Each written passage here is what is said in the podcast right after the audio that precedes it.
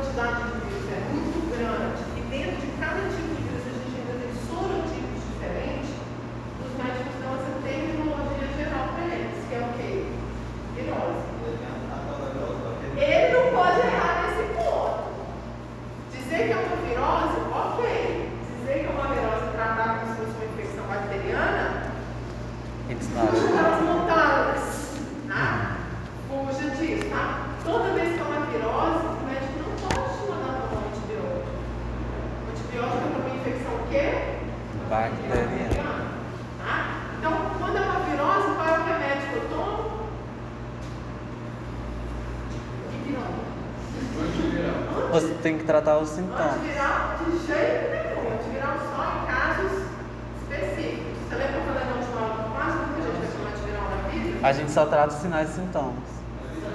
Sinais e sintomas. E tem um remédio muito bom. Interferon. Produzido pelo nosso corpo e tem melhor ainda. Netflix. Você tem. Netflix. every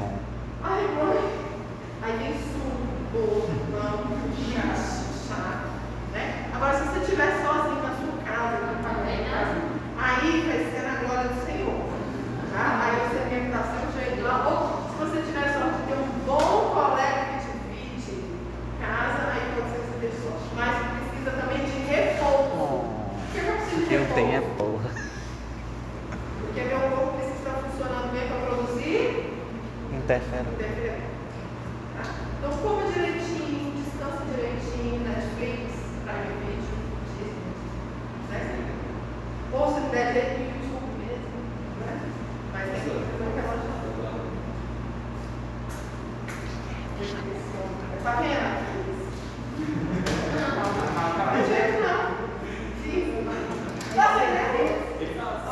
No caso, para tratar assim, sintomas finais, será não, já é Santos Pirés, ah, essas coisas.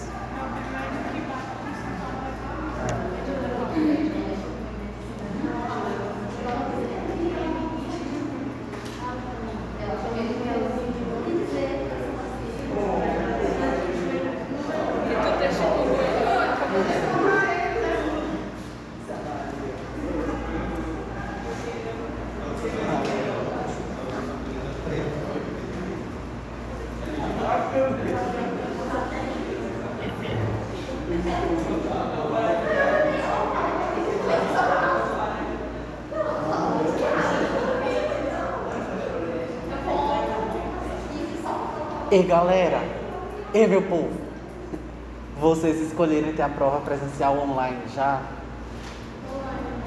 Online. Online, né? Então da próxima vez que ela falar, abram a boca, viu? Senão eu vou abrir a barriga de vocês. Eu nunca fui tão ansioso por essa prova online.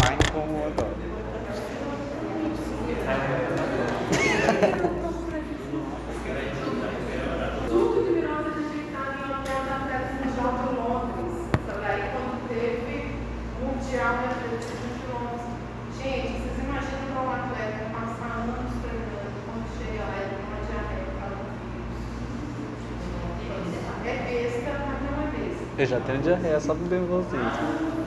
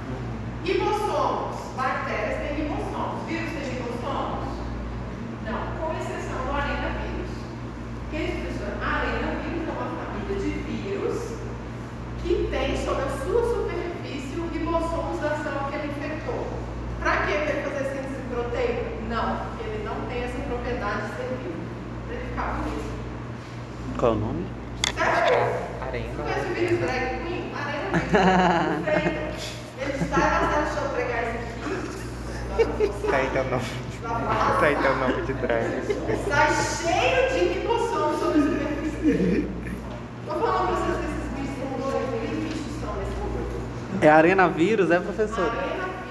E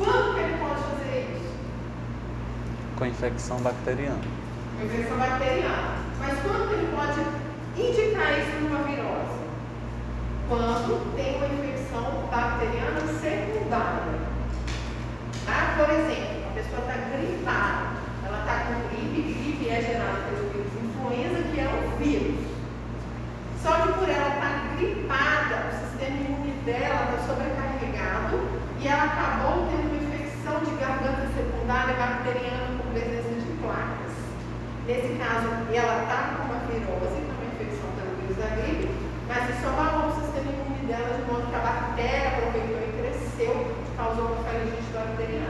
Nesse caso, ele vai pedir para tomar um antibiótico. Agora, o que é muito grande do faz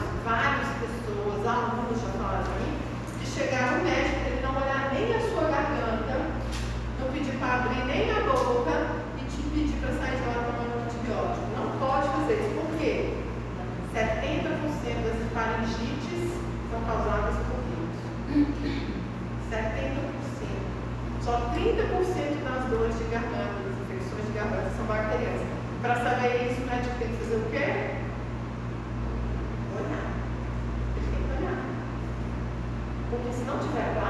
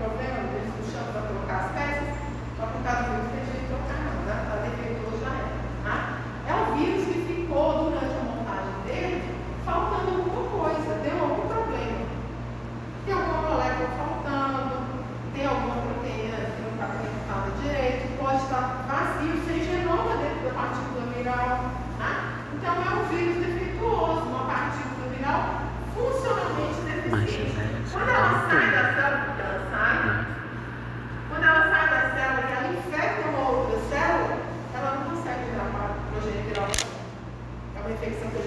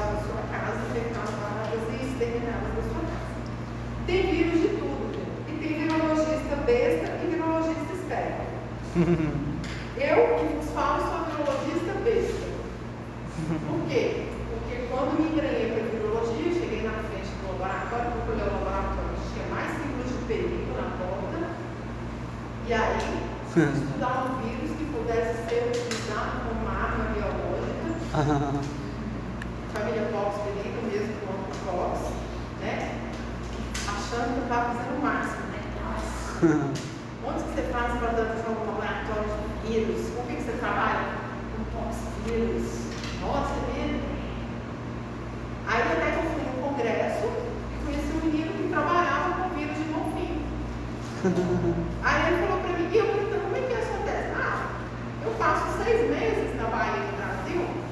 Uhum. Eu cheguei semana passada de Fernando de Noronha, fiquei um mês lá, mergulhando para coletar a amostra dos golfinhos. então.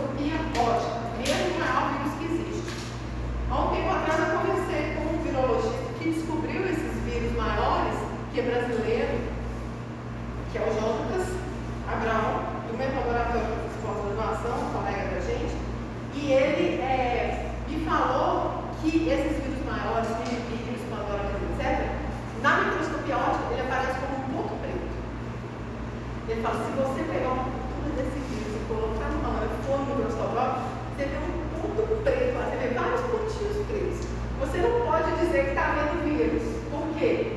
Pode ser um arranhado, pode ser uma bolhazinha, mas que, ou seja, eles estão linear se encontrar algum vírus maior de saída da microscopia ótica, é, eletrônica para a microscopia ótica. Mas para visualizar mesmo,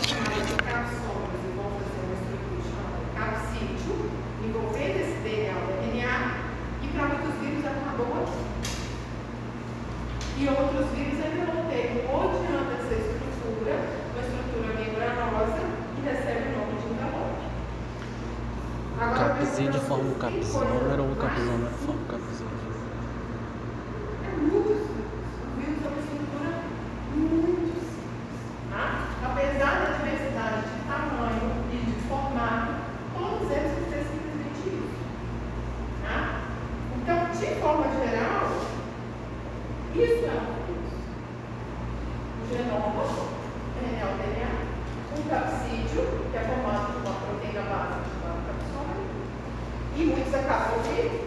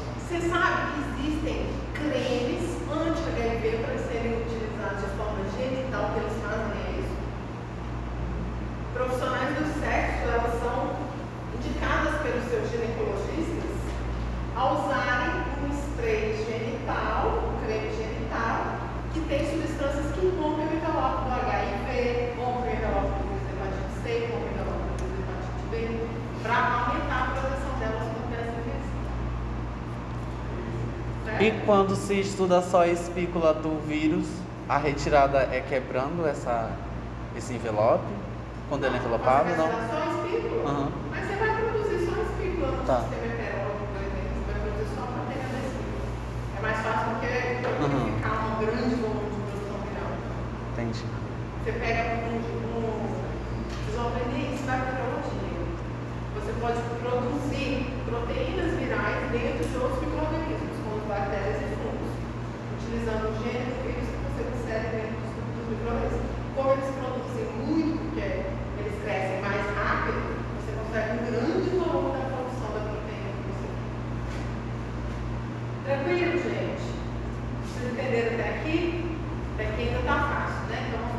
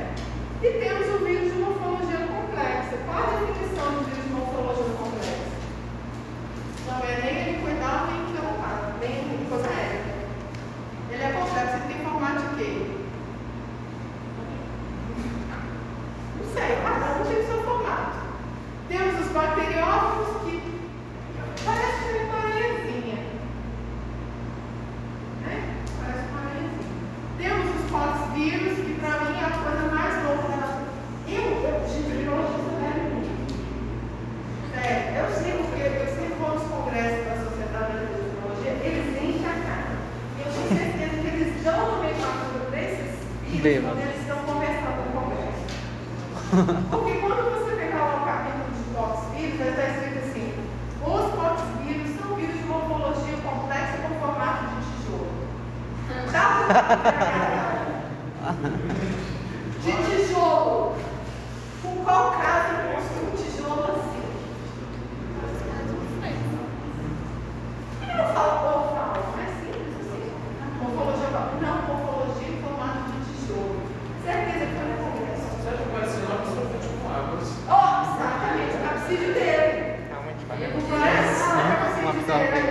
que ela falou até agora? Bacteriófagos e bacteridae. Bacteriófagos e? Bacteridae. Perdão?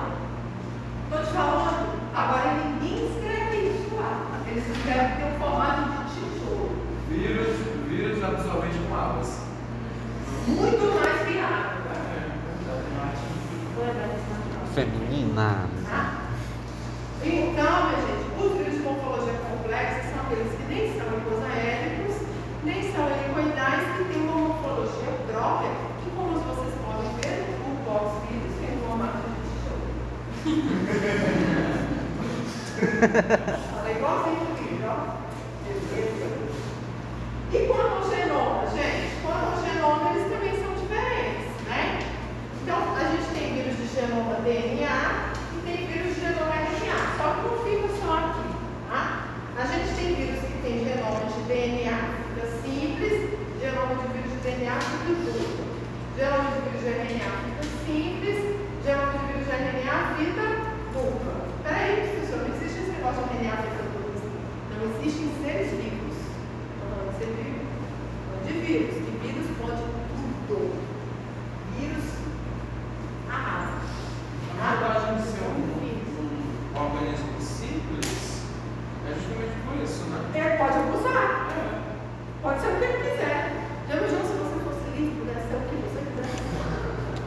tese atual. Não existe RNA de fita dupla. Vou transicionar né, agora. Mas eu quero. E pronto. É assim que funciona. Tá? Os vírus que mais induzem a produção de interferon são os vírus de RNA. Por quê? Porque sempre que o vírus de RNA vai se replicar, em algum momento ele tem que fazer RNA de fita dupla. E o RNA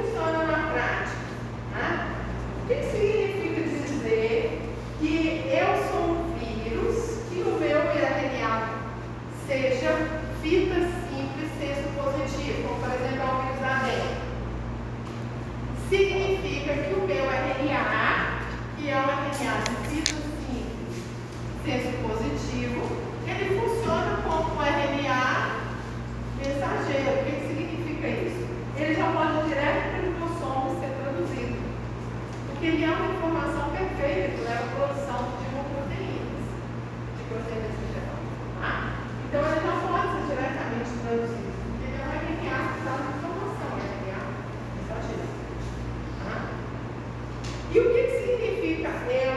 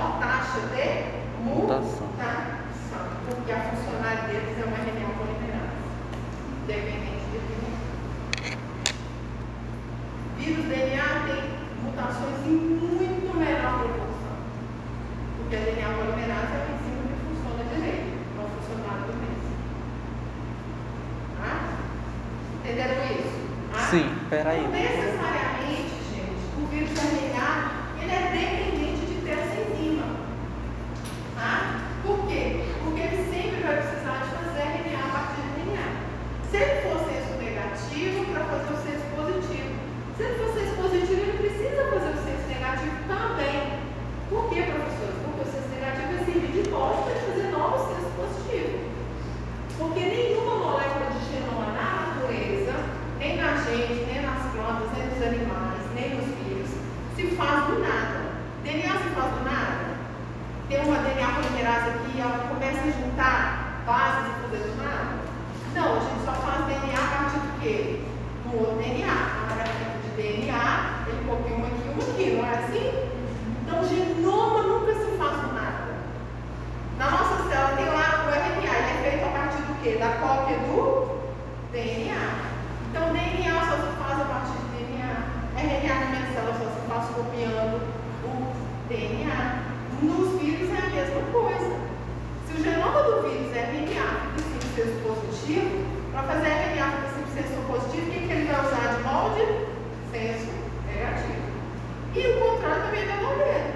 Se o vírus é RNA fica assim, senso positivo, ele precisa fazer negativo, se ele for negativo, ele precisa fazer positivo. Para servir de quê? De molde. Por isso, independe se o vírus for RNA, senso positivo, negativo ou duplo, RNA. Ele vai precisar sempre ter uma RNA de RNA. Ele precisa fazer uma fita molde. A fita que vai dar origem à fita original dele. Entenderam isso? Sim. Nós vamos ver isso com mais detalhes na próxima aula de multiplicação final. Entenderam? Dominaram? Não.